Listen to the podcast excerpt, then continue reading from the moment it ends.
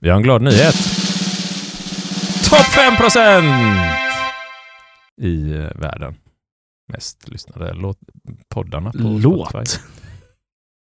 Eh, ja, det var väl kul nyhet. Topp 5% Jättekul. Kul. mest kul. lyssnade. Det är skitkul! Det är klart det är. här, Jim, för fan. Topp 5% mest eh, spelade poddarna i världen på Spotify. Det har vi lyckats med. Okej, men så här 5% då. Topp 5 mest spelade och delade podden i världen här nu. På Spotify. På Spotify. Vad, om vi ska omsätta det lite andra siffror här. Ja, men då har jag plockat fram lite statistik just för att man ska få en bild av hur stora har vi blivit. För topp 5% är ändå ganska brett. det, det är ganska brett. Så hade vi tittat så här, tillhör vi den ekonomiska eliten av världen? Nej.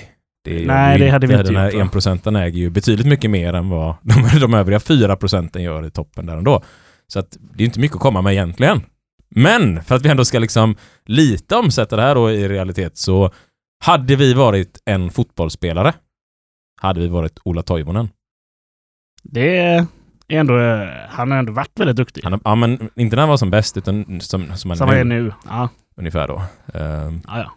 Men det är ändå okej. mm. Han spelar fortfarande professionell fotboll Ja, men det gör han. Det gör han. Då tänker vi så alla professionella fotbollsspelare i... Ja, i hela världen. Ja.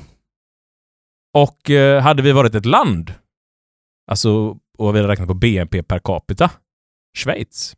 Det låter ju väldigt bra Det gör det. faktiskt. det gör det. Det är vi inte helt missnöjda med. Nej, hade vi varit en svensk kommun efter befolkningsstorlek, Huddinge eller Borås. Se där ja. Borås kanske inte låter så kul, men Huddinge, Det är ändå en, eh, vad vad blir det, blir det en förort till Stockholm eller? de har ett sjukhus och grejer. Så att, Ja. Se där ja. Ja men det Där har vi podden i siffror. Fast, vi. sen ska vi vara ärliga, det är ju faktiskt botten av 5% så vi kan ju ligga högre. Ja de att vi kan vara upp mot Vi 4-3 vara, procent kanske. Vi kan vara Messi. Vi kan vara Stockholm. Vi kan vara... Vilket land det är? Qatar som ligger högst upp i BNP, per där. capita. Mm. Vi kan vara där. Men eh, då tror jag att statistiken hade sagt att vi var topp 1%. Det tror jag med. Men någonstans mellan 1% och 5% vet vi att vi är i alla fall. Mm. Det är en fantastiskt jävla rolig nyhet i alla fall. Känns väldigt kul. Och stort tack till alla som eh, lyssnar och Jätte- delar alltså. Tack och att vi delade topp 5% i världen. Det är ju enbart tack vare att ni håller på och hjälper till och delar podden. Det är inte bara jag som spammar på Facebook bland mina stackars vänner i vän vänlistan där. Det kan ju vara du. Det är ju ett par stycken som har slutat följa dig va? Ja, Ja. det är det. It's a big fucking deal. What the fuck are we doing out here? I ask you, what in the fuck are we doing here? So what's the big fucking deal? What the fuck are we doing out here? I ask you, what in the fuck are we doing here? Mm, känns kul att vara tillbaka med ett nytt avsnitt av Sveriges mest eh, lyssnade fackliga podcast. Och då också topp 5% i världen mest lyssnade podcast på Spotify. Får vi väl titulera oss nu också. Ja, det får vi göra. Skitroliga nyheter, tycker vi. Definitivt. Men eh, ja, vilka är vi och vad ska vi prata om idag? Ja, vi kommer ju börja köra ett riktigt LAS-specialavsnitt. Eller flera avsnitt kommer det bli nu. Vi vet inte än. Men idag så ska vi ju träffa Darko Davidovic som är förbundsjurist för IF Metall och som har dels har suttit med i förhandlingarna och eh, också varit den juridiska expertisen från IF Metall i det här ärendet. Så vi ska få lite inblick i hur de här samtalen har varit men också hur eh, vår förbundsjurist från IF Metall ser på nya LAS och framförallt då kanske huvudavtalet om trygghet, omställning och anställningsskydd. Vi kommer att spela in ett avsnitt om TSL också, de här pengarna man kan söka när man ska studera. Och det är ju inte som så att alla förbund har anslutit till detta. Så att eh, här får man lite hålla isär vilka fackförbund är med, vilka är inte med, vilka kommer att gå med, vilka kommer inte att gå med. Nu sa du TSL, eh, men det är omställningspaketet vi pratar om och vi har TRR också då för tjänstemännen som gäller på det. Titta här, redan nu börjar vi lära oss grejer i introt. Vilka är nu vi som spelar in det här avsnittet då? Ja, mitt namn är Jim Tellefsdal. Jag eh, arbetar på en, eh, en återförsäljare för lastbilar, ska vi säga så. En stor svensk eh, lastbilsmärke. Det finns inte jättemånga kvar, men eh, Nej, det är ni har 50 procent eh, möjlighet att gissa rätt vad Jim jobbar. Exakt. Eh, ja, men jag är koncernordförande där. Sitter och förhandlar eh, och diverse uppdrag inom IF Metall och politiken och sådär. Och mitt namn är Isak Ekblom. Jag är, eh, också faktiskt på ett eh, motorbranschföretag kan man säga, eftermarknad, som är ett av Europas största eftermarknadsföretag för vanliga personbilar helt enkelt. Bilplåtslagare i grund och botten, men klubbordförande, sitter i koncernfackliga förhandlingsdelegationen eh, och framförallt så är jag väl handledare och håller i rätt mycket arbetsrättsutbildningar, retorikutbildningar, förhandlingsutbildningar och allt däremellan. Sen har vi en person till som inte är med i dagens avsnitt. Nej, vi har Sebastian Borssén också.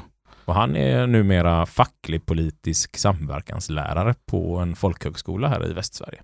Och numera också klubbordförande på den här folkhögskolan. Så att han är tillbaka som förtroendevald. Men nu tänker jag att vi ber oss till Svenska Mässan och IF Metalls kongress. För där träffar vi Darko Davidovic. Vi har precis avslutat andra kongressdagen här på IF Metalls kongress 2022, tror jag att det är, slutet på året här. Så vi lyckats få med oss upp här på ett hotellrum på Svenska Mässan, Darko Davidovic. Du är förbundsjurist på IF Metall. Yes.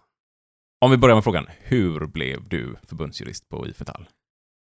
Ja, Jag är ju i, i grund så utbildad elektriker då och eh, hade en väldigt, väldigt kort karriär. Den var knappt två månader som elektriker när min pappa som jobbar på Volvo sa du det finns en lucka på Volvo, det borde du ta.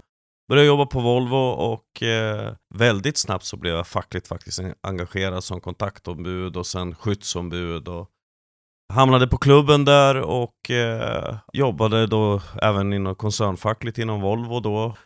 Det gjorde jag i 12 år. Därefter så fick jag en fråga faktiskt från förbundet om jag var intresserad av att börja och jobba i Stockholm, vilket jag naturligtvis var. Fanns ett krav då att då var man tvungen att flytta till Stockholm för att jobba och eh, jag hade två små barn, liksom det, det gick inte. Det är illa nog att flytta till Stockholm utan eh, små barn kanske. Precis. Nej men eh, Stockholm har man ju när man jobbar där. Jag är ju där alldeles för mycket. Och, eh, så att jag, jag, nej, jag, jag bor på landet, jag gillar det. Jag tror att jag tjänar väldigt mycket på det just nu. Att när man har de här tuffa tiderna med en himla massa jobb och kunna komma dit och sätta sig och fiska eller göra annat än vara med i den här ruschen som alltid är. Men efter ett tag så, så gjorde man ett undantag och sa att nej men eh, absolut, vi, vi, vill att du ska börja här men du måste förstå att eh, det här är ett eh, resande jobb för då skulle jag få jobb som central förhandlingsombudsman då. Och då reser man ju hela riket runt. Det, alltså jobbet går ut på att varje vecka vara ute och lösa tvister någonstans på något företag. Allt från företag med eh, några få, ett par tre stycken anställda till flera tusen anställda. Det gjorde jag och började göra det Träffade en tjej då efter ett tag som eh, läste mikro eller makroekonomi. Jag kommer fasen inte ihåg vilket det var, men nu vet, då skulle hon läsa något som hette juridisk översiktskurs och då sa hon ska du plugga med mig och det hade jag ju faktiskt ingen tid eller lust med men man var kär och in, ville vara med henne så att vad fasen jag hänger på in till högskolan där och så kom jag bara underfund, det var en sån här kurs om bara vanliga saker. Alltså, vad är garanti? Vad är det som gäller? Och jag blev så arg, eller arg låter så jävla snällt, jag blev fasen förbannad. Man bara kom fram till hur, hur lurad man blir när man inte kan systemet. Och det är vardagssystem som vi alla... Och sen tyckte jag att juridik var rätt coolt, det var fasen häftigt. Jag började ta flera kurser och sen kände jag så här, nej men fasen, jag ska nog plugga juridik.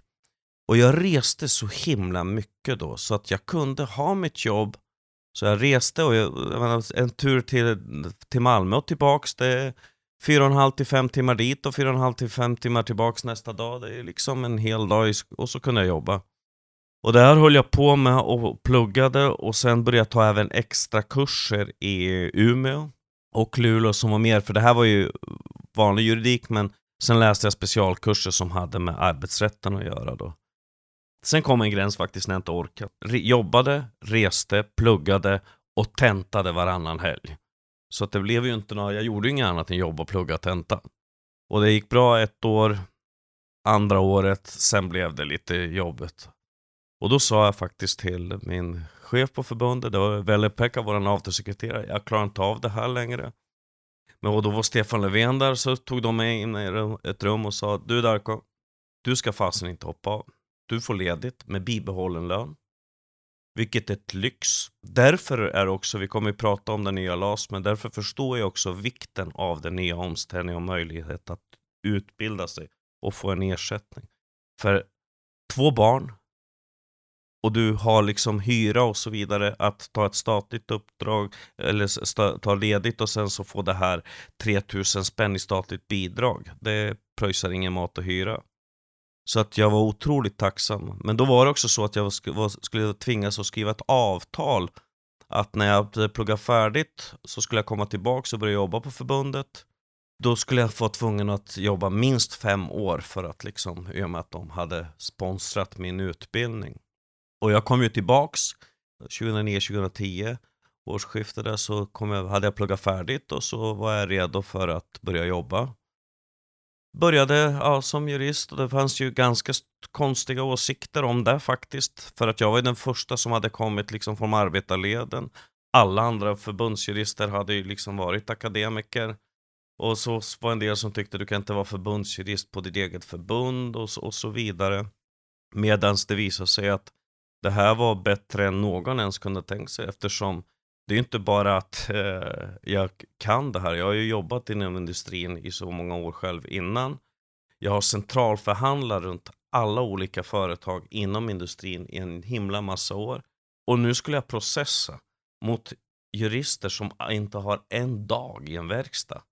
Och de ska övertyga mig i en domstol vad som är rätt och fel när det gäller våra arbetsplatser.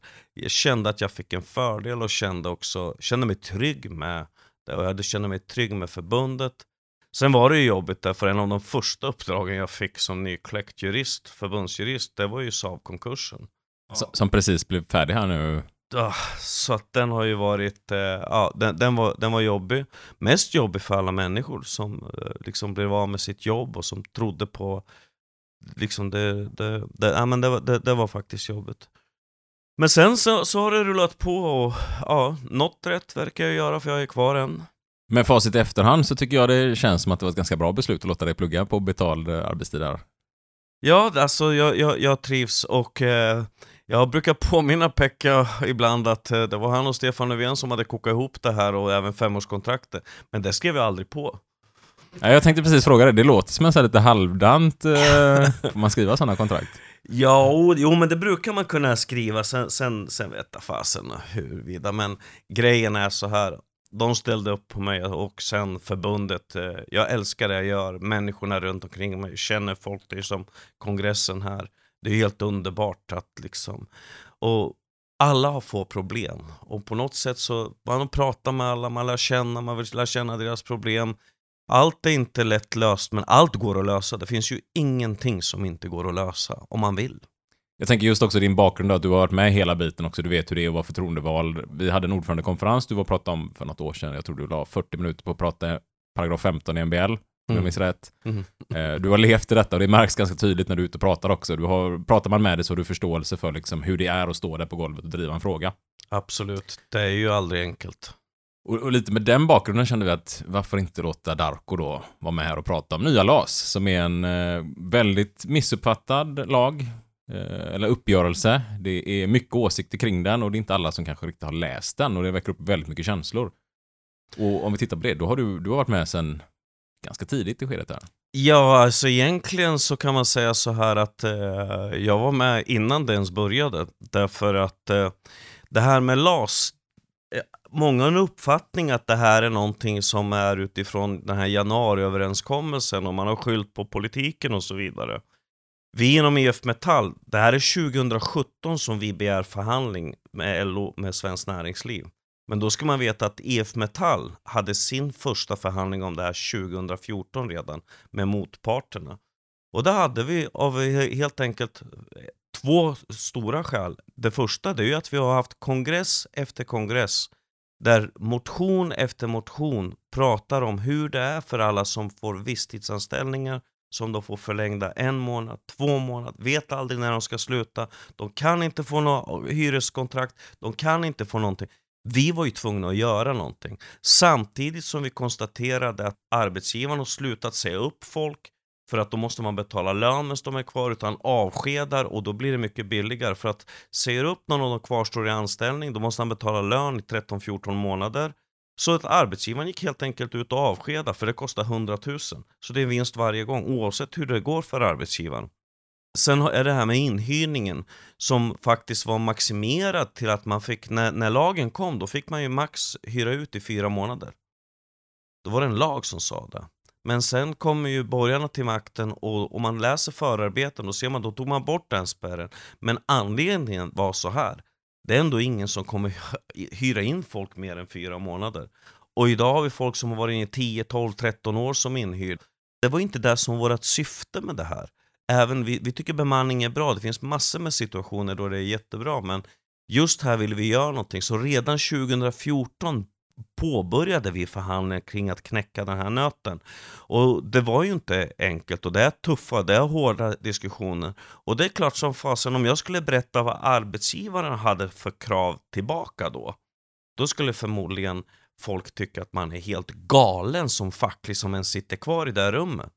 Men grejen är att erfarenheten är så här, det spelar ingen roll hur vi börjar. Det enda som spelar roll det är hur vi slutar. Innan vi hoppar in på hela LAS nu då, så skulle jag vilja höra med dig.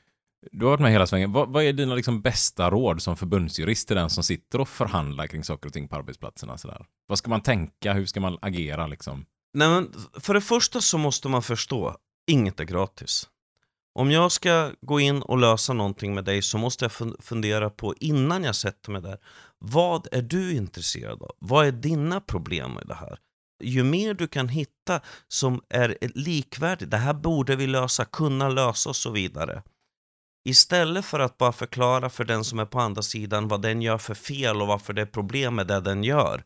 För då tvingar man in dem i en försvarsställning. Så det, det mesta av förhandlingstiden kommer bara ta liksom, tid att ta tillbaka dem till förhandling. Utan hitta någonting, även om den personen på andra sidan kan, jag har hört så hemska saker om mig vid förhandlingsbordet som egentligen jag inte tycker borde vara där. Men det spelar ingen roll. Och jag företräder aldrig mig själv. Varje förhandling påverkar vardagen för våra medlemmar. Och då, då har vi inte råd att skrika, gapa eller ha åsikter om hur den andra är. Utan det enda man ska tänka på det är så här, vad behöver jag göra för att nå mål? Jo, jag behöver ha konstruktiva förslag. Om inte de ger det så kan man ställa frågan. Du, jag lämnar de här två förslagen. Vi är här för att hitta en lösning. Jag uppenbart vill. Varför gör inte du det? Tvinga dem till att faktiskt lämna ett förslag. Och även om de lämnar ett förslag som är urkass. Men när de har lämnat första förslaget, då är man igång. Och man kommer inte gilla det. Och det är klart, och det är väl så det, har, det är med att folk har åsikter om att nej men de, de, de, de gav så dåligt förslag så vi kliver av. Jag har fått så många, det finns flera förhandlingar där jag kanske har fått fem slutbud. Och de kunde gett mig fem till, men jag går inte. För vi är inte klara förrän vi har löst frågan. För om inte vi löser problemen som våra medlemmar har, så kommer ingen annan göra det åt oss. Och lämna över det till politiken eller något annat, det är aldrig ett val. Det är aldrig ett val. Vi måste köra. Och har jag misslyckats med förhandlingar? Absolut, vi har strandat. Men då kommer man tillbaks. Och så på det igen. Vill man ha ett bevis på vad som händer när man lämnar över saker till politiken så är det ju just precis vad som händer med LAS. Att man hamnar i ett läge där det blir en lite hårdare press på förhandlingarna för att nu tänker politiken agera. Aha. Samma fråga har vi med lägstalöner. Varför vill vi inte ha reglerade lägstalöner i samhället? Mm. Och för den dagen vi byter regering så är det förändrat över en natt. Mm. Nu är vi tillbaka och har det här som ett avtal. Om vi tittar på slutprodukten nu, vad är din åsikt kring slutprodukten här? Ja, för det första så ska man, ju, ska man ju veta en sak, att det som har hänt, där vi minns, alla pratar om LAS i sig, men vi får inte glömma bort att det som har hänt produkten nya LAS, nya huvudavtalet, nya omställningsavtalet. Det är någonting som arbetstagare, facken tillsammans med arbetsgivarna och staten har förhandlat fram. Som resulterar i att vi får en ny lag om anställningsskydd. Vi får ett nytt huvudavtal och så får vi en ny omställning. Men det fina med det hela är att ett, Parterna tog ansvar och löste det här. För det fanns ett lagförslag som skulle gällt igen, men det, Det är inte det som är grejen. Det är inte för att det finns ett hot, utan det är för vår skyldighet att lösa det. Och då får vi komma, komma fram till att, vad är det vi har gjort? Jo, vi har skapat ett system i Sverige. Och det finns ingen annanstans i världen där arbetsgivare och arbetstagare och en stat gör ett system där du som arbetsgivare måste teckna ett kollektivavtal för att få de förmåner som arbetsgivarna ville ha. Du som anställd ska vara med i en fackförening för att få fullt ut det som är bra för de anställda. Och ett sånt system som gynnar den svenska modellen, för det är där den är. Vi har ingen lagstiftning om villkor på arbetsplatsen. Det sker genom kollektivavtal och då är det våran bottenplatta. Vi måste ha dem. Det måste man förstå. Det här handlar inte om en kamp. Det här handlar om att säkra den svenska modellen, som uppenbart är väldigt bra. Tycker du allting med den här nya LAS-uppgörelsen är fantastiskt och bra? Nej, för att om jag hade tyckt det, då är vi lurade. För en förhandling funkar inte så. Och det är livsfarligt om vi till och med skulle ha lyckats med det. För om vi har tagit allt och inte gett någonting, då kommer vi få igen nästa gång. En förhandling är baserad på ett givande och tagande, att lösa varandras problem. Och det är det en förhandling går ut på. Det vill säga, det är ändå så här att idag är det så att om vi ogiltigförklarar, eller idag, innan den första oktober, tidigare så var det så, om du ogiltigförklarar så kvarstår den anställde i anställning tills vi har fått en dom i domstolen. Med det nya systemet så åker den anställde ut efter uppsägningstiden. Och det är en stor skillnad. Och det är en försämring. Absolut många som tror det skulle vara en försämring. Finns bra bitar med det också med tanke på att jag berättade här tidigare att arbetsgivaren börjar avskeda för att de inte ska betala det här. Men det är klart, det är priser vi har betalat. Vi har gjort en flexiblare turordning för arbetsgivaren. Vid de fall vi inte kommer överens om en turordningslista så har arbetsgivaren fått en större möjlighet till undantag än tidigare. Tycker jag det är bra? Nej, det gör jag inte. Är jag nöjd? Absolut. Därför att det är inte där man tittar på, varje fråga i sig. En bra förhandling slutar med att man kan peka på det där är inte riktigt bra. Men det vi ska göra när det är klart, och det är det vi har gjort här. Det är inte så att vi förhandlade det här och skrev på. När man tar det så tar man hem det till de som faktiskt kommer få drabbas av det här. De som kommer få leva under det här som man har tecknat. Oavsett vad det avtalet handlar om så har man förhandlat om villkor. Vi förhandlar ju om medlemmarnas villkor. Och då ska det prövas, det vill säga produkten i sig, när man lägger upp allting i vågskålen. Tycker vi att det här är bra eller dåligt? Kommer vi fram till att nej, vi får betala mer än vad det är bra och det här kommer bli sämre för medlemmarna. Då hade inte IF Metall tagit det här.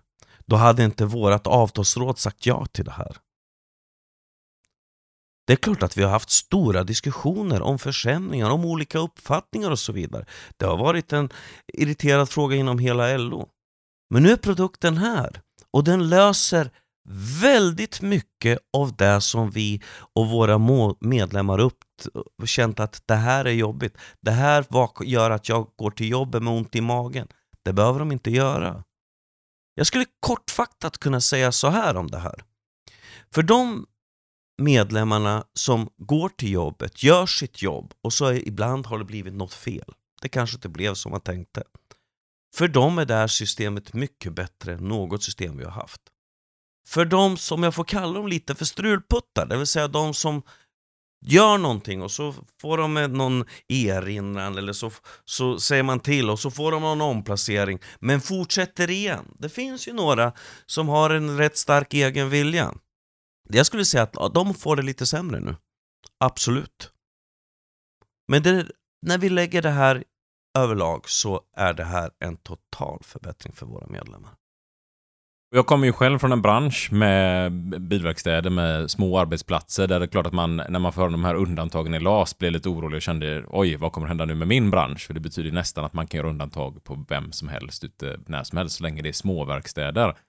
Men sen när man börjar lyssna och få helheten av den här nya LAS så börjar man ju sakta ändra uppfattning. Och därför ska det bli så spännande nu att gå igenom hela nya LAS och, och titta på vad är de nya stora skillnaderna mellan LAS och gamla LAS? Ja, det mest omdebatterade kan vi kan ju börja från grunden, eh, vilket är passligt eftersom det heter saklig grund, eller hette saklig grund. Det var väl dynamiten i att det fanns en himla olika uppfattningar om det här. Arbetsgivarna hade ett krav att saklig grund skulle tas bort. Det innebär att arbetsgivaren ville ha en möjlighet att själv bestämma hur folk skulle sluta och sen skulle det mer handla om en prislapp. Det skulle inte ens vara en förhandling med facken. Ja, det var ju så elakt av dem så vi borde hoppat av. Eller? Låter dem tycka vad de vill, för det vi driver är inte deras sak. Vi driver våran sak, det som våra medlemmar behöver. Och så får vi se vart det här slutar. Saklig grund, mycket riktigt, om man tittar så finns det inte kvar. Utan nu heter det sakliga skäl. Men det här blir ju juridik, för det här är juridik. Det här är hur domstolen ska avgöra när arbetsgivaren har den lagenliga rätt att säga upp vår medlem. Och då får inte domstolen kliva in och säga så här Nej, men vi tycker att det där låter ju bra. För det är inte så det funkar. Utan de har ett rättsförhållande att förhålla sig till. Det vill säga, vad finns det för praxis, vad finns det för förarbeten? Och då om man tittar, de första parterna, först när vi skrev våra överenskommelser mellan oss, den som skulle bli lag, så står det så här. Den praxis som har gällt för saklig grund ska gälla även för sakliga skäl. Och om man då tittar även remissinstanser som Arbetsdomstolen som i princip frågar vad håller ni på med? Ni tar bort ett väl inarbetat begrepp som saklig grund som alla känner till och ändrar det till sakliga skäl utan att göra någon ändring i övrigt. Så det är ett namnbyte, kort och gott? Ja, och då... Jag förstår att domstolen kan tycka att det där var lite koko va? Men grejen är, om priset för oss för att få förbättringar är att byta ett namn, så skulle jag kunna byta det till ett ännu konstigare namn. Om det blir bättre för våra medlemmar. Det priset tar vi alltid. Det finns ingen prestige. Det är resultat som räknas. Och det här är ju faktiskt så att både förarbetena, både den praxis som finns och ska tillämpas innebär att arbetsgivaren, precis som, på för, som det var innan, på samma sätt måste uppfylla. Det står till och med i förarbetena, precis som det gjorde tidigare, men nu är det ännu bättre skrivet. Det vill säga att när arbetsgivaren har uttömt alla andra möjligheter, det vill säga omplacering, allt annat. Den sista åtgärden en arbetsgivare kan vidta när han är utom allt annat är att skilja det från anställningen. Så att, är det starkt? Ja. Sen är det klart att vi kan ju inte rå för, ibland har ju vi medlemmar som kanske beter sig på ett sådant sätt. Det är klart att hot om våld, slagsmål, stölder och så vidare, ja, det är ingen skillnad. Precis på, under samma grund som du kunde bli av med jobb tidigare så kommer det kunna bli det även nu. Så det skyddar ju inte heller mer. Utan det är i princip kan man säga oförändrat. Om man grovt då åsidosatt sina åligganden mot arbetsgivaren, då är det som innan också? Ja, ja. exakt likadant. För, för, man läser mycket på sociala medier och sådär så skrivs det hit och dit att nu kan vem som helst få sparken för vad som helst eller bli uppsagd för vad som helst. Men där är vi inte. Nej, långt ifrån. Sen, sen finns det ju så här, nu, man ska veta att det här, är, när det gäller saklig grund så, så är det, man har alltid en huvud, eh, det vill säga huvudregel och huvudregeln här är arbetsgivaren måste, men sen, sen, finns det ju andra regler. Där kan man säga så här att här skiljer det också sig mellan det som är det nya LAS och det som är det nya huvudavtalet. LAS i övrigt blir inte så mycket mer förändrat men det nya huvudavtalet, där gör vi preciseringar. Till exempel så säger vi så här, vid miss, misskötsamhet, det är ju bara ett begrepp, vi har ingen aning, vad är misskötsamhet? Där har vi skrivit, om du missköter ditt jobb så är arbetsgivaren ändå skyldig att få dig att sköta ditt jobb, göra en omplacering, eller vad som behövs, det beror ju på vad det är för situation att man anser, det är ju arbetsgivaren som anser att man missköter sitt jobb. Och tidigare var det så att arbetsgivaren skulle även pröva en andra omplacering. Där säger vi nej, det behöver inte arbetsgivaren göra nu. Och då har en del sagt, ja men förut hade man möjlighet till två omplaceringar, nu har jag bara en. Och då kan man säga först och främst, om du nu blivit omplacerad för ett beteende så kanske man inte ska fortsätta med det så att det krävs en till. Men även om det nu skulle göra det så är det den enda skillnaden nu det är att nu behöver inte arbetsgivaren vidta den andra omplaceringen utan facket ska då begära den. Och det tycker jag är bra. Jag tycker att facket ska ha en aktivare roll. Det vill inte bara säga till arbetsgivaren att du måste omplacera, du ska flytta. Utan vi ska aktivt gå ut på våra företag och titta vad finns det för jobb som kan passa Kalle, Lisa eller vem det är. Prata med de anställda. Titta här, här finns det. Här, titta de här är vänner som man kanske till och med umgås med eller hon och så vidare. Så att när vi kommer till arbetsgivaren så ska inte vi anklaga och attackera arbetsgivaren med fixa det här åt oss. För den som det ska fixas åt är inte arbetsgivaren, det är vår medlem. Istället ska vi ha förslag. Här, vi har kollat upp det här, ni kan ju flytta dit. Och då blir det lite jobbigare också för arbetsgivaren och säga det går inte, för uppenbart har ju vi redan hittat ställen som det går. Och så har jag upplevt att många jobbar redan sedan innan. Så blev jag upplärd av min gamla ordförande Tommy Strandell på GS-facket och då sa han liksom att nu ska vi ut och hitta jobb till en kille här liksom. Eh, och Precis så, och så så gjorde ska vi det och så kom vi till förhandlingen och vi la fram fyra, fem olika förslag. Eh, Och precis som du säger, det blev lite tuffare för arbetsgivaren att hävda att det inte fanns omplaceringsmöjligheter. När vi sitter med fem stycken. Och hur slutar det oftast då? Jättebra. Ja, precis. Och oftast en person som sen också börjar trivas på jobbet och börjar sköta sitt jobb väldigt bra. För man får inte heller glömma bort, vi är inga advokatbyråer. Vi är fackliga företrädare för våra medlemmar. Vi håller inte på med juridik. Vi håller på med problemlösning. Så att visst, vi har en rätt till en andra eller dittan och dattan. Ja, jag ibland brukar jag säga skit i det då. Använder vi lagen har vi misslyckats. Lös, lös problemet. Titta inte, ja men det finns en dom. Vem bryr sig om domen? Vi ska bry oss om medlemmarna. De har ett problem och vi ska lösa deras problem. Och är det så att det blir ett problem att de har ett beteende, då ska vi se vad, vad är det här för problem? För att jag utgår i grunden från att det är ingen som går till jobbet och tänker så här Nej, jag kanske skulle gå och jävlas lite med arbetsgivaren. De flesta går dit för att få en lön och ibland blir det fel. Ja, men då får vi lösa det och se vad är det som gör det.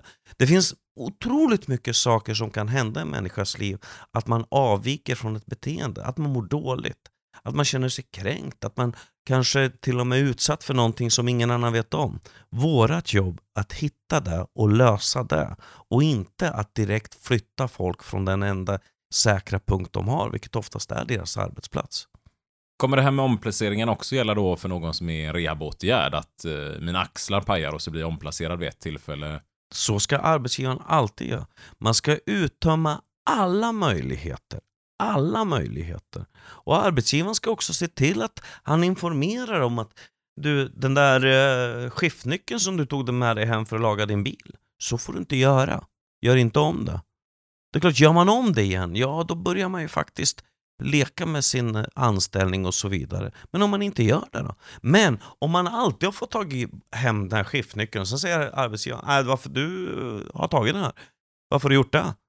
Nej, men det har fått, nej det har du inte fått. Och det är klart, då måste arbetsgivaren informera. Från och med nu får du inte göra det. Man kan inte liksom gilla fällor åt de anställda. Utan jag tänker så här. LAS är ju en ledstång, men vi får inte glömma bort, det är ju inte en ledstång för oss. Det är en ledstång för domstolen, för det är de som slutligen ska avgöra om någon ska eller inte ska få behålla sin anställning. Vi ska lösa problem. Vi ska lösa situationer. Och arbetsgivaren borde ha samma inställning. Därför att vi har världens effektivaste modell till tvistelösning. Andra länder håller på i 5-6 år och går i domstolar. Vi går in, sätter oss i ett rum och är vi konstruktiva då går vi ut därifrån 45 eller 2 timmar senare och då har vi löst ett problem. Det finns inga effektivare modell. Men då måste vi också ha respekt för varandra.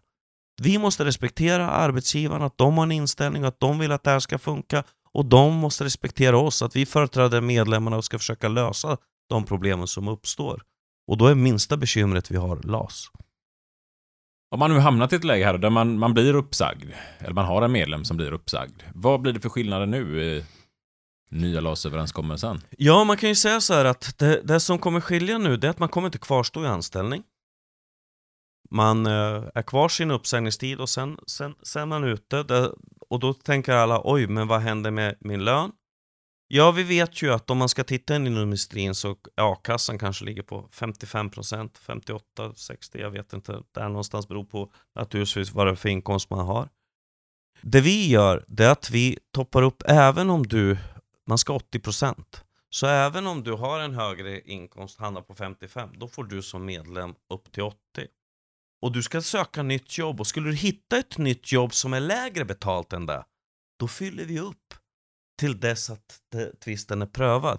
För att du, det ska inte vara så att man inte ska ta jobb därför man förlorar pengar, utan man ska kunna ta ett sämre betalt jobb, jobba vidare, därför att grejen är, om arbetsgivaren har varit redo att gå till domstol för att bli av med dig som anställd. Spelar ingen roll om du vinner, ja känslomässigt, men är det här ett ställe där du tror att du vill jobba fram till pension och ha kvar? Ja, det är väl relativt få personer som har fått sitt ärende upp i domstol och vunnit där som går tillbaka till arbetsplatsen eller som företaget ens tar tillbaka. Nej, precis. Och det jag menar däremot, däremot så skulle, vill jag säga så här, risken för arbetsgivaren har med det här systemet, för vi, vi pratar ju bara om att det här är sämre för våra medlemmar, men det finns en stor risk för arbetsgivaren. Ett, vi har höjt skadestånden rejält, men förutom det, när du kvarstod i din anställning, då jobbade du hos arbetsgivaren de här 13-14 månaderna. Och är det en vettig arbetsgivare, vilket det måste vara om han har verksamhet kvar, då har du jobbat in din lön plus att du har gett arbetsgivaren lite vinst utgår jag från. Så arbetsgivaren har tjänat pengar på att ha dig kvar. Nu när du åker ut där, efter två eller tre, eller jag vet inte hur många månader uppsägningstid man har, då måste ju för att arbetsgivaren utgår ifrån att inte ha haft någon anställd bara för att det är kul, utan nu måste han anställa någon ny och betala lön för att någon annan gör det jobbet som den som åkte ut gör.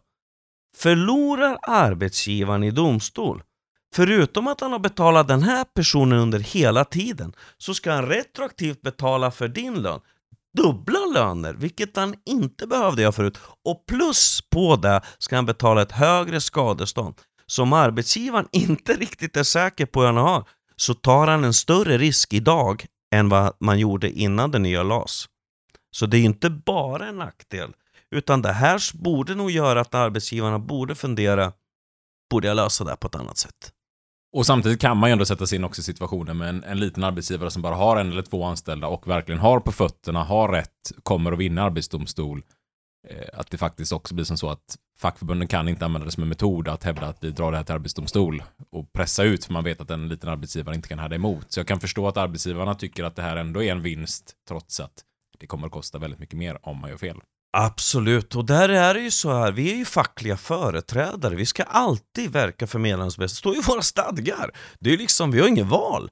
Och det är klart att om, om våran medlem hamnar i en bättre situation genom att vi ogiltigförklarade tidigare, då fick vi, han kommer ju få lön eller hon i 12, 13, 14 månader till. Vi skulle aldrig göra så inom IF Metall alltså, men man har ju hört att andra förbund skulle kunna göra Fin- en sån sak. finns andra fackförbund också. Eh, Och när vi ändå är inne och talar om andra fackförbund här, är- kommer det vara som så att det är 80% av hela lönen eh, för de som är anslutna till det här LAS-uppgörelsen, Ja, oavsett lönenivå? du måste företrädas som en facklig organisation. Men skillnaden som är, det är att de som är oorganiserade, de får inte den här klossen, utan de kommer gå på 50-55% a-kassa. Så att där så blir det ju en rejäl nackdel för de som inte är med i facket. Men nu är det ju säkert ingen som står utanför eftersom alla förstår hur bra det är att vara med. Precis, det är ju så det är, speciellt de som lyssnar på den här podden. Men, men det här är ju en sån sak som fick mig att känna att det här är en, det här är en riktigt bra del i avtalet faktiskt. Det, det är ett ganska tungt argument för att det gör extremt stor skillnad att vara medlem i ett fackförbund och stå utanför. Ja, absolut.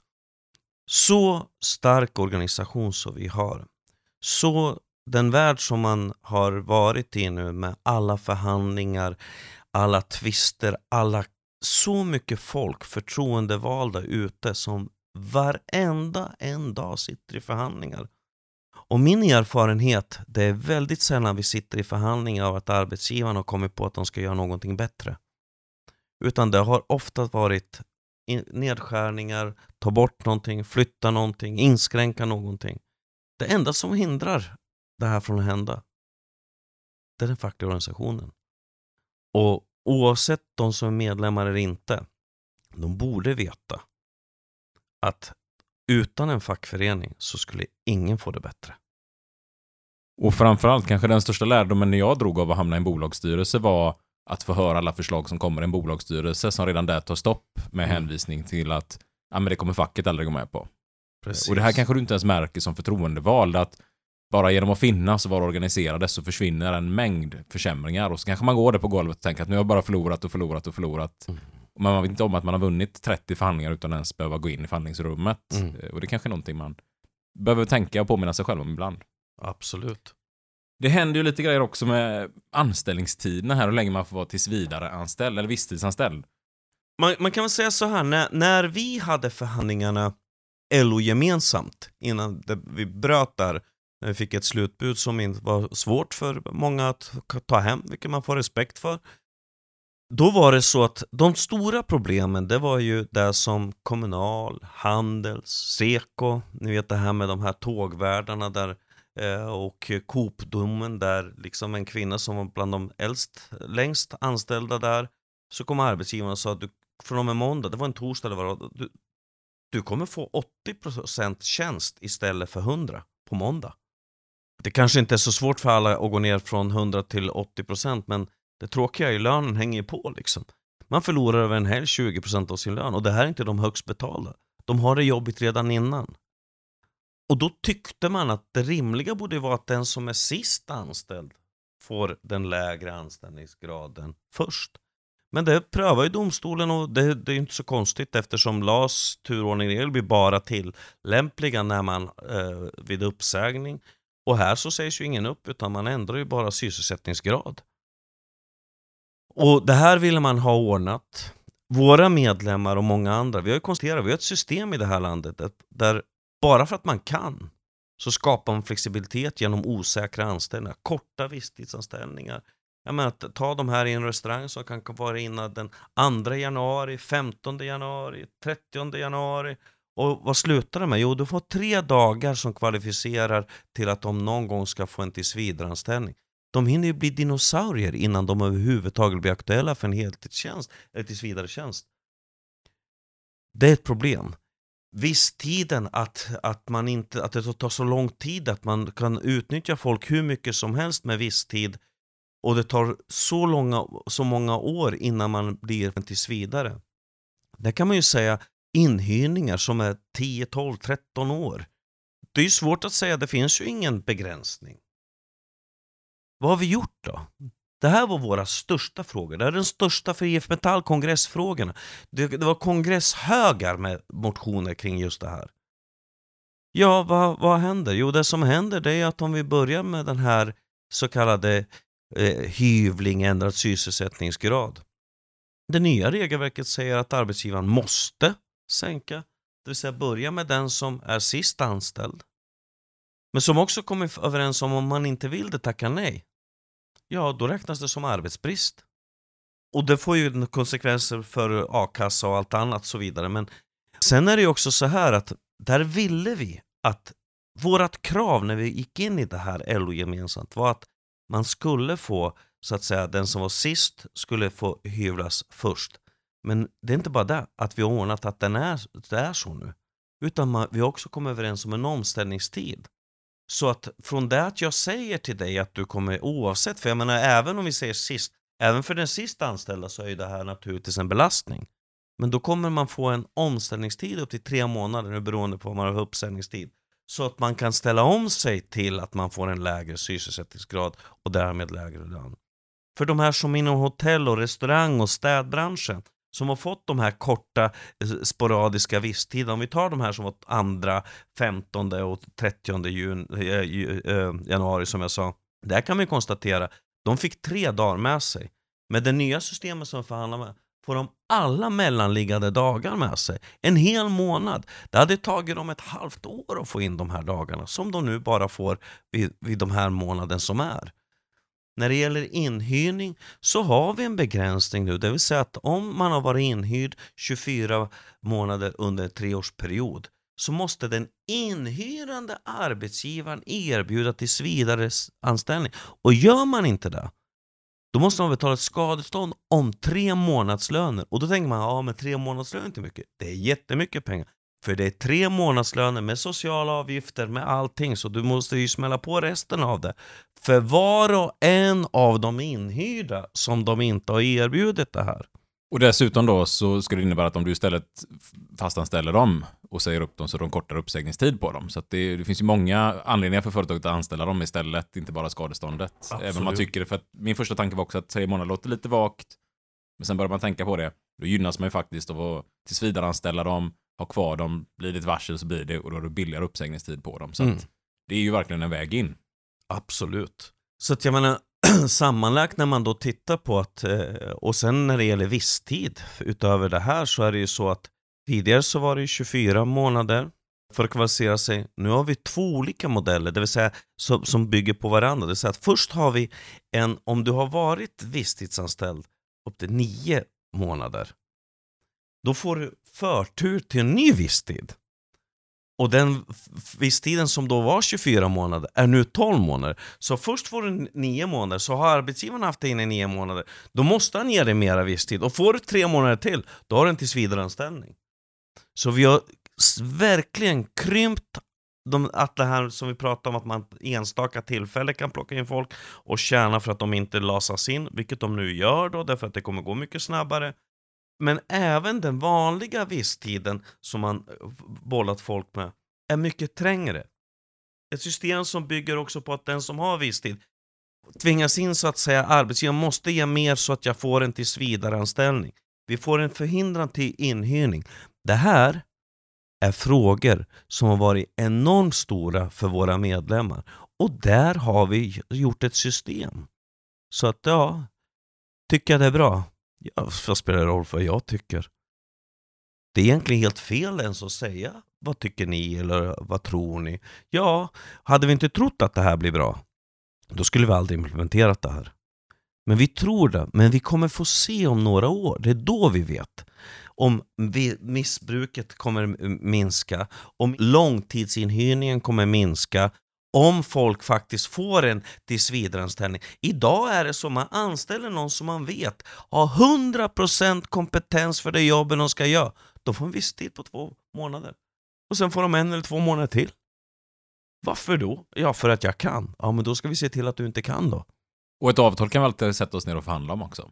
Alltid. Där har vi en väldigt stark fördel också till att ha det i just ett avtal. Allt vi gör när vi förhandlar, när vi skapar våra saker, det är inga quick fix som ska ju vara klart inom någon vecka och så vidare. Det vi gör är långsiktighet för våra medlemmar. Det är långsiktighet. Och veta hur ska jag ha det? Våga ta ett lån, våga ta med en lägenhetskontrakt och så vidare. Då måste man ha långsiktighet.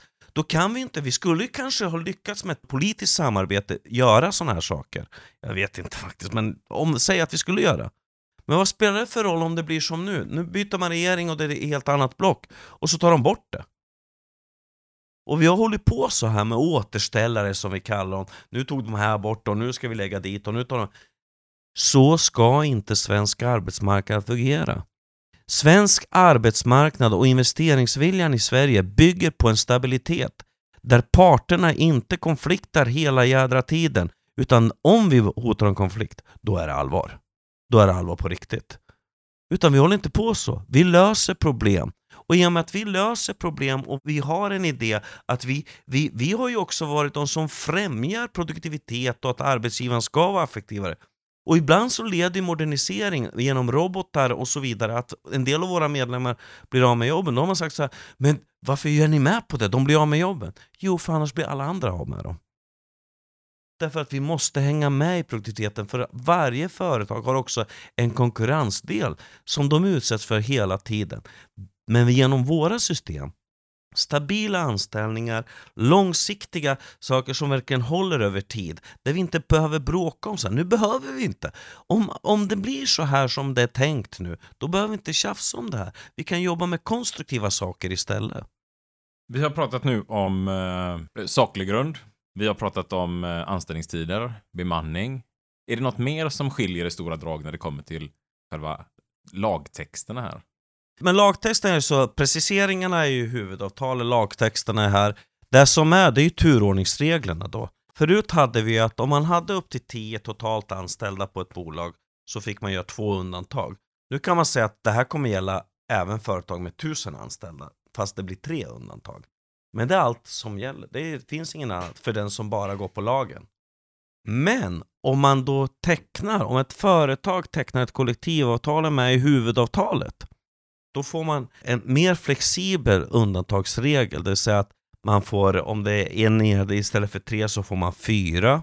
Men sen får man också en möjlighet att huvudregeln för oss som förhandlar är alltid en sak. Förhandla om ned, inskränk, livsinskränkningen. Det vill säga, vad är det nya? Jo, vi har producerat 10 000 bilar förut. Nu ska vi producera 7 000. Så att vi får en övertalighet. Och övertalighet kan man inte leva med därför att det bär inte sig själv. Det, vi kan vara överens om det. Men då ska vi vara överens om vad är det för övertalighet. Sen ska vi också vara överens om att de som är kvar kommer klara av det jobbet som blir kvar. Det är inte bara att säga upp och hoppas att det funkar. Och när vi är överens om det, då brukar vi alltid göra avtalsturlister. Och när vi har gjort dem, precis, och det ska vi, det står, den lagen är kvar, ah, inget är förändrat där. Vi ska förhandla och göra en, vara överens. Men om vi inte blir överens, då kan arbetsgivaren använda sig av stupstocksregeln, det vill säga det här med, med tre undantag. Man kan använda sig av en så kallad 15% regel. Och då ska man veta, där har också varit feltolkning om det här 15%. Där har man sagt att nu kan arbetsgivaren välja ut 15% och peka ut vilka som ska sluta. Nej, nej, tvärtom. Arbetsgivaren kan bara peka in vilka som ska vara kvar. Och då ska man veta att förut så kunde arbetsgivaren varsla 70 personer när han egentligen visste att han bara vill bli av med 50. Men det var en leverage för att i de förhandlingarna med facket kunna göra, sänka varslen mot att få undantag. Name of the game, det är så det är. Klassisk förhandlingsteknik. Ja, det är liksom, det är inga konstigheter, det är så det är.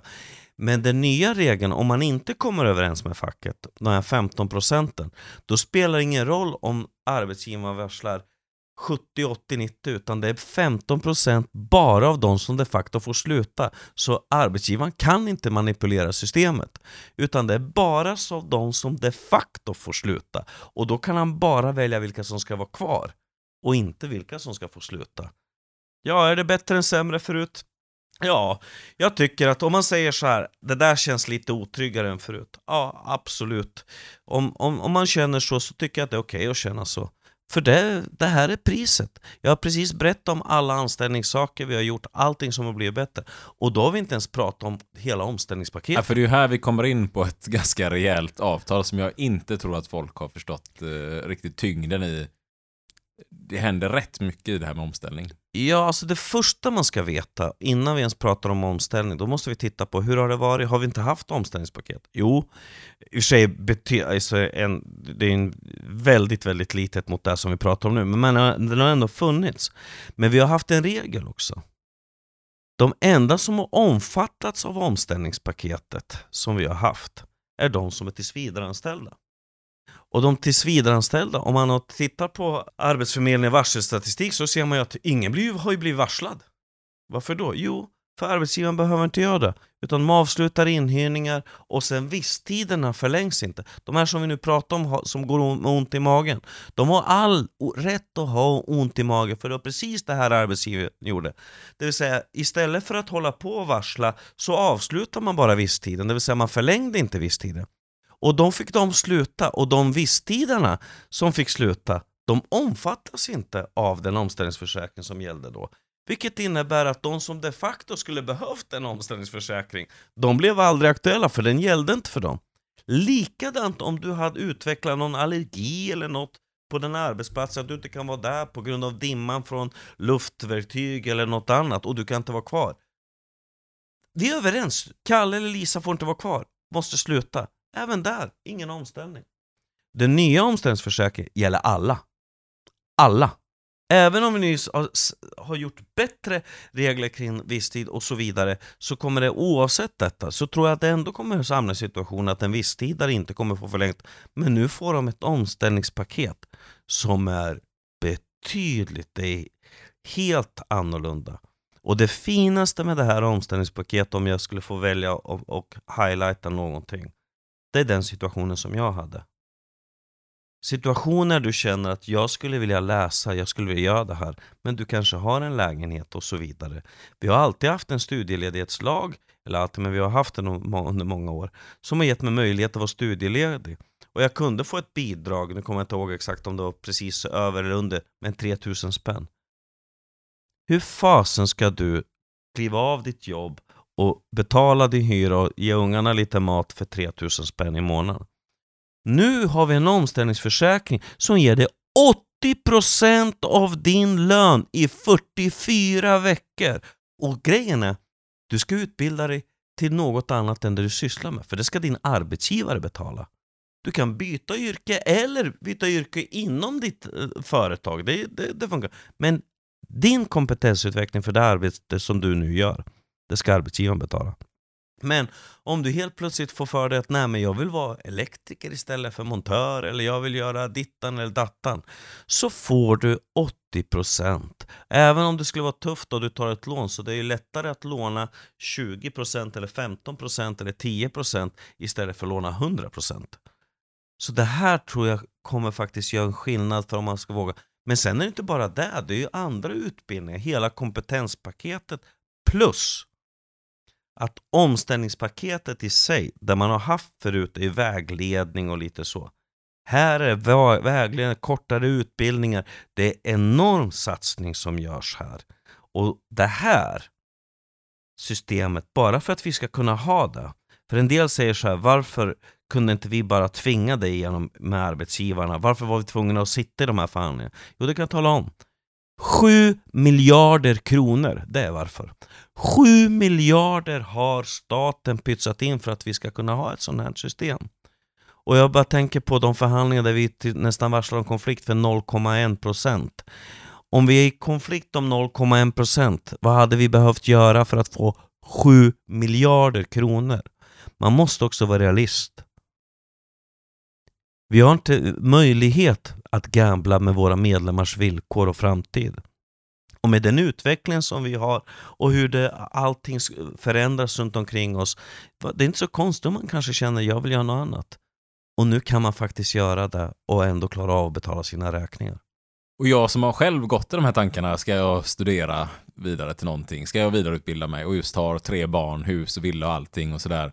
Jag kände ju när jag läste det här att nej, men det här kan inte stämma kan man få så här stor del av sin lön under så här lång tid? Och, och gäller det liksom, är det alla utbildningar det gäller?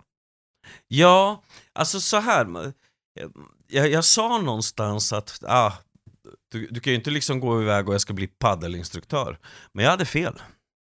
Därför att det kan du ju om du kan försörja det måste bara, det måste kunna leda till ett annat jobb. Så att om du vill göra någonting där, där, du inte kommer få ett annat jobb, så att det, här, det är den enda prövning som sker här, det är att kan det här leda till ett annat jobb? Vi har en eh, utbildningsfond på eh, vår koncernklubb har det på företaget där jag jobbar. Där vi har ungefär likadana stadgar. Eh, som precis säger att ska du utbilda till något som är inom ditt yrke, då ska företaget stå för det. Men allt annat som kan leda till ökad anställningsbarhet. Och där har vi haft långa diskussioner om eh, flamengogitarr, eh, jaktutbildning, C-körkort och sådana här grejer. Vad leder till en anställning?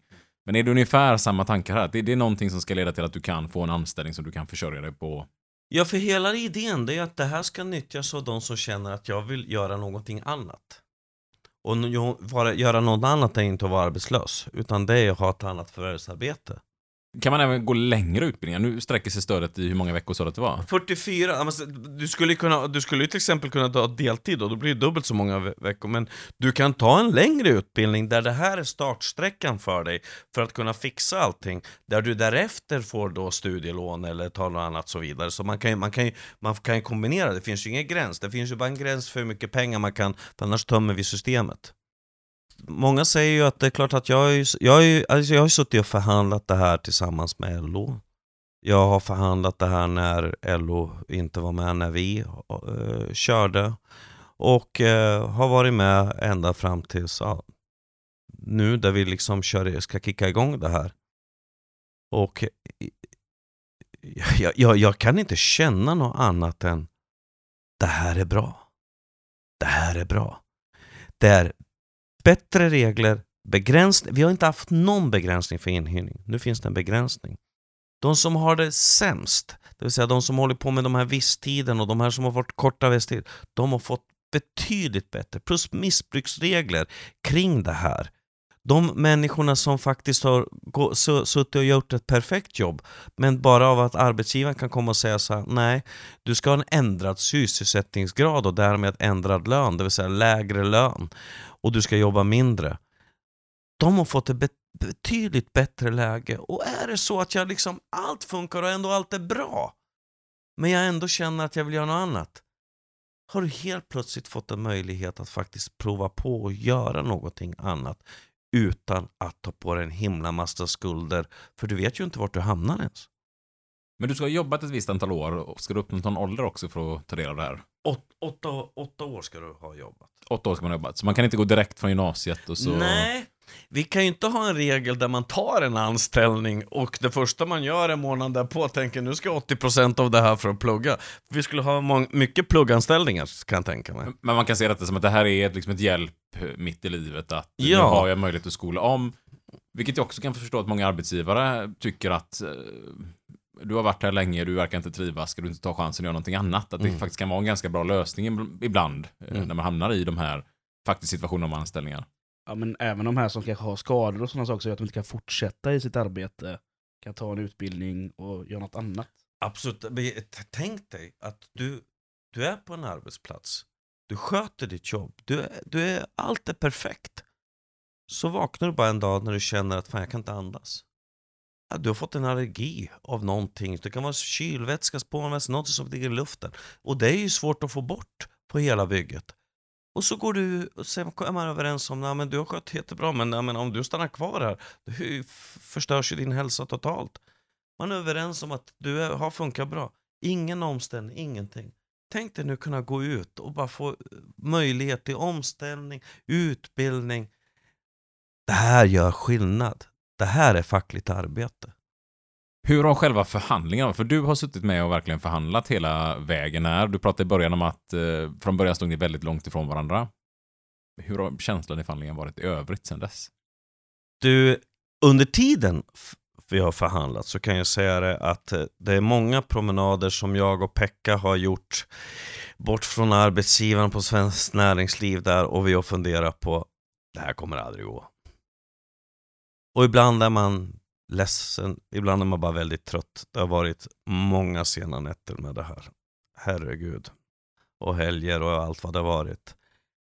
Men känslan när det ändå är en produkt som man faktiskt känner så här att ja, det, jag, jag, har full respekt för att folk faktiskt känner fasen, LAS, min anställningstrygghet. Jag, den oro, jag har full respekt för dem.